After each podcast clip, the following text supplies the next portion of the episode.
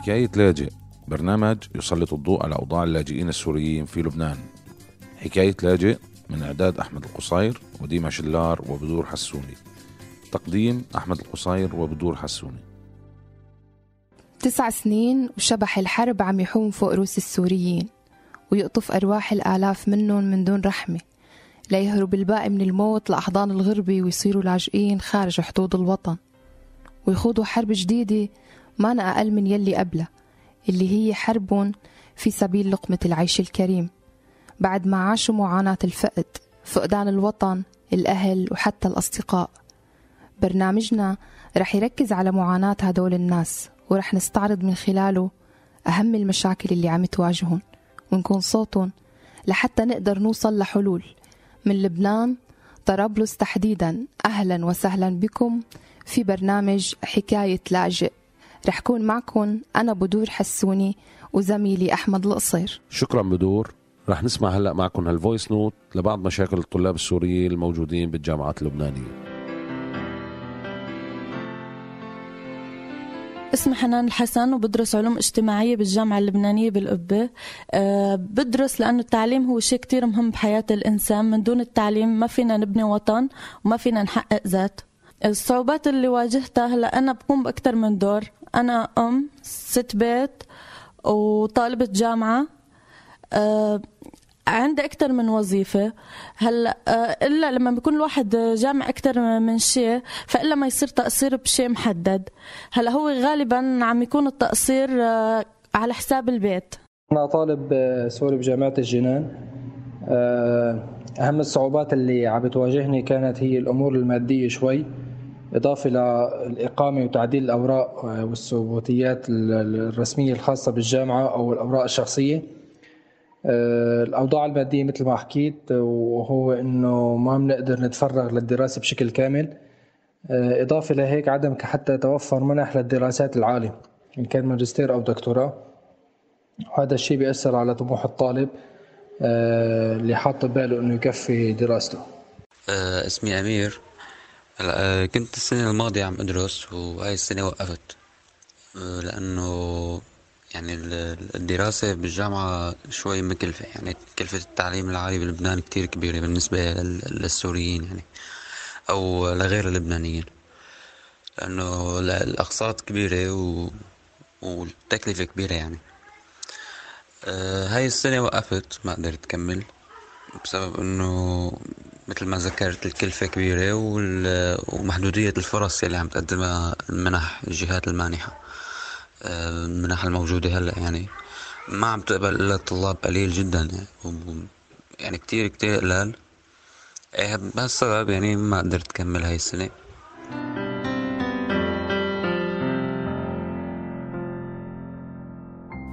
تقدر الحكومة اللبنانية أن هناك حوالي مليون ونصف لاجئ سوري في بلادها. من إجمالي عدد السكان الذي يفوق 6 ملايين نسمة على الرغم من أن المفوضية العليا للاجئين توقفت عن تسجيلهم عام 2015 بناء على طلب الحكومة اللبنانية نفسها. وتظهر أرقام رسمية نشرتها وزارة التربية والتعليم العالي أن عدد الطلاب السوريين المسجلين في الجامعات اللبنانية الخاصة والرسمية انخفض من 187 ألف طالب عام 2013 إلى 140 ألف طالب عام 2018 أرقام في الحقيقة تشير إلى واقع مخيف إذ أن التعليم العالي يعتبر أداة حماية مهمة للاجئين حيث يوفر للشباب فرصة لإعادة بناء السلام في أماكن النزاع والنهوض بالمجتمعات التي أنهكتها الحرب. وربما يكون التعليم هو الشيء الوحيد الذي يعود به اللاجئ إلى دياره. وهلا معنا الطالبة آه، جنان الراوي. أهلا وسهلا فيك. أهلا فيك. معنا أيضا الأستاذ محمد رعد إداري بملتقى الطلاب الجامعي أهلا وسهلا فيكم.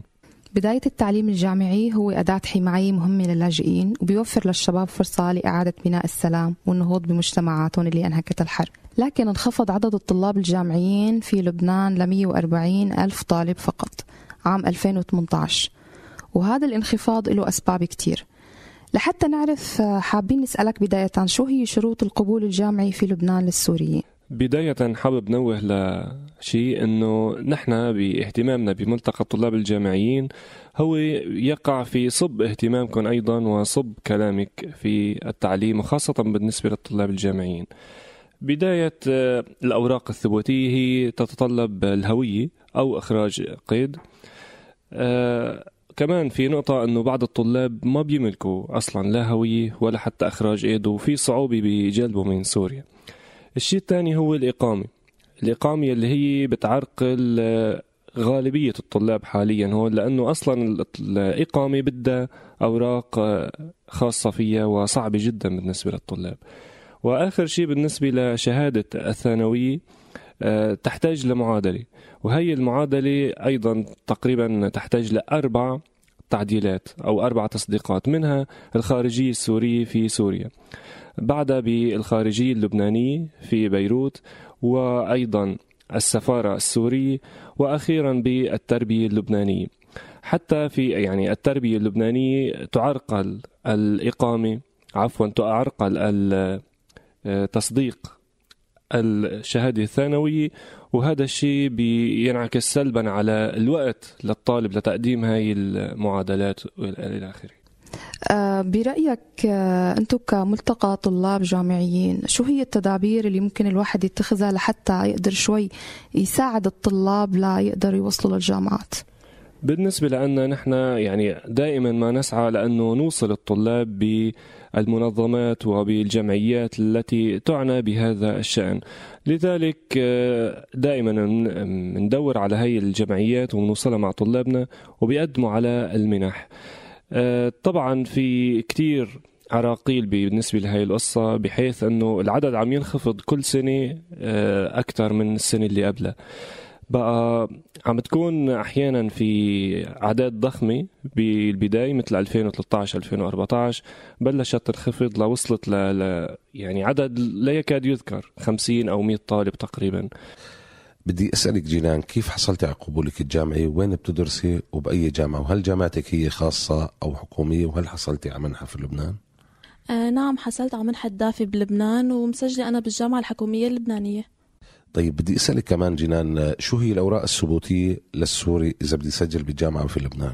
هلأ بالنسبة للجامعة الحكومية اللبنانية آه، بتطلب صورتين شمسية مصدقة من عند المختار آه، وصورة آه، والإقامة صورة عن الإقامة سارية تكون المفعول وصورتين عن شهادة بالنسبة للي شهادته لبنانية وصورة إذا كانت شهادتك سورية صورة مصدقة من تربية جنان انت كلاجئة سورية عندك مسؤولية إكمال تعليمك لتقدري تبني مستقبلك. بالإضافة للمسؤوليه الحالية وهي تدبير نفقاتك كأغلب اللاجئين السوريين الموجودين في لبنان.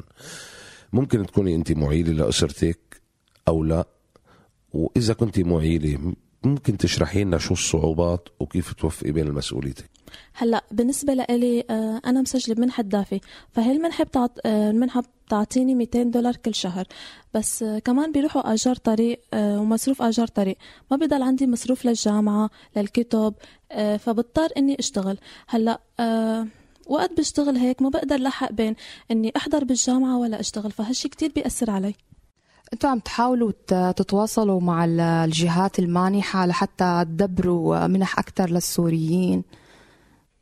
دائما ما يعني عم نحكي مع الجهات وعم نتواصل معهم آه، بس الرد عم يكون إنه نفس القصة ما في دعم والطلاب عم يعودوا على سوريا ونحن خايفين إنهم ما يكملوا. يعني عم ندفع على أول سنة نتفاجئ بثاني سنة ما بنلاقي طلاب. طبعا هاي حجة وليست حقيقة لأنه الطلاب بهاي الناحية عددهم قليل جدا ولا يكاد يذكر. آه، سمعت إنه بالمنح كثير عم يطلبوا أوراق أو أشياء تعجيزية لحتى يوصل الواحد ويحصل على المنحة. فشو هي الأوراق اللي ممكن تنطلب مثلا لمنحة معينة؟ هي نفس الأوراق اللي بتطلبها الجامعة للتسجيل مثل ما حكينا كهوية أو إخراج قيد وصور شخصية وإلى ما هنالك والإقامة آه، خاصة بالنسبة للجامعة الحكومية اللي بتطلبها ببداية التسجيل آه، الجامعي يعني بأول سنة. الجامعات الخاصة ممكن تتغاضى عن هذا الشيء لمدة سنة أو أكثر حسب آه، كل جامعة وبالنسبة للتعديل أيضا كمان الخاصة ممكن تتغاضى لمدة سنة أو سنتين بينما الحكومية لا ما بتتغاضى. لم يعد خافي على أحد صعوبة حصول السوريين عموما على تصاريح إقامة قانونية. آه ما بتشوف إنه هي كمان صارت مشكلة بتواجه الجامعيين؟ شو بتعمل الجهات المانحة لحتى تسهل هاي الأمور؟ الجهات المانحة ما بتتدخل بقصة الإقامة. يعني بتقول للطالب إذا أنت قدرت تجيب الإقامة تبعك نحن بنكمل معك بالمنحة أو بنعطيك المنحة إذا ما كان معه. أما إذا ما قدرت تجيب الإقامة فهذا شيء بيرجع لك وبننقل المنحة لشخص ثاني بيكون معه آه، إقامة.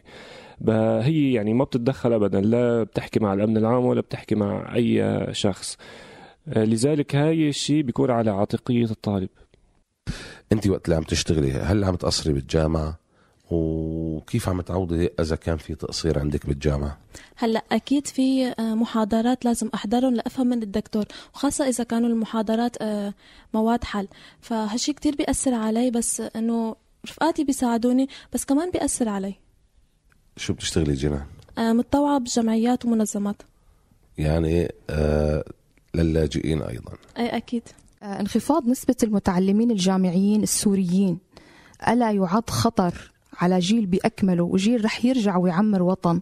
بالنسبة للطلاب يلي هن اخذين منحة وتقريبا تخرجوا من 2013 2014 لحد الآن آه، هدول يعني أخذوا فرصتهم بالنجاح. بينما الطلاب يلي حاليا أخذوا الشهادة الثانوية وبلشوا يدوروا على منح آه، يعني شو ذنبهم إنهم هن ينحرموا من التعليم؟ الجامعي. زائد يلي ما انقبلوا أصلا بالمنح القديمة وحاولوا لساتهم لحد الآن عم يقدموا على منح آه، سنة وسنتين وثلاثة وأربعة وما عم يحصلوا عليه. عددهم كتير كبير بقى هدول فعلا إنه شو ذنبهم ما ياخذوا منح وما بيحصلوا على حقهم بالتعليم نحن فعليا أمام يعني مشكلة كبيرة جدا إنه عندنا تقريبا جيل كامل غير متعلم. هذا الجيل يعني هو إن شاء الله بكرة بده يرجع على سوريا وبده يعمرها إذا هو ما مثقف ولا يحمل شهادة جامعية شو راح يعمل بسوريا؟ راح يكون عبء كتير كبير على الدولة.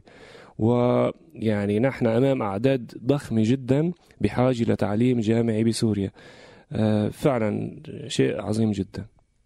أنت برأيك كاداري لملتقى الطلاب الجامعيين شو ممكن نساوي لحتى نخفف من حدة آه، هذا الخطر؟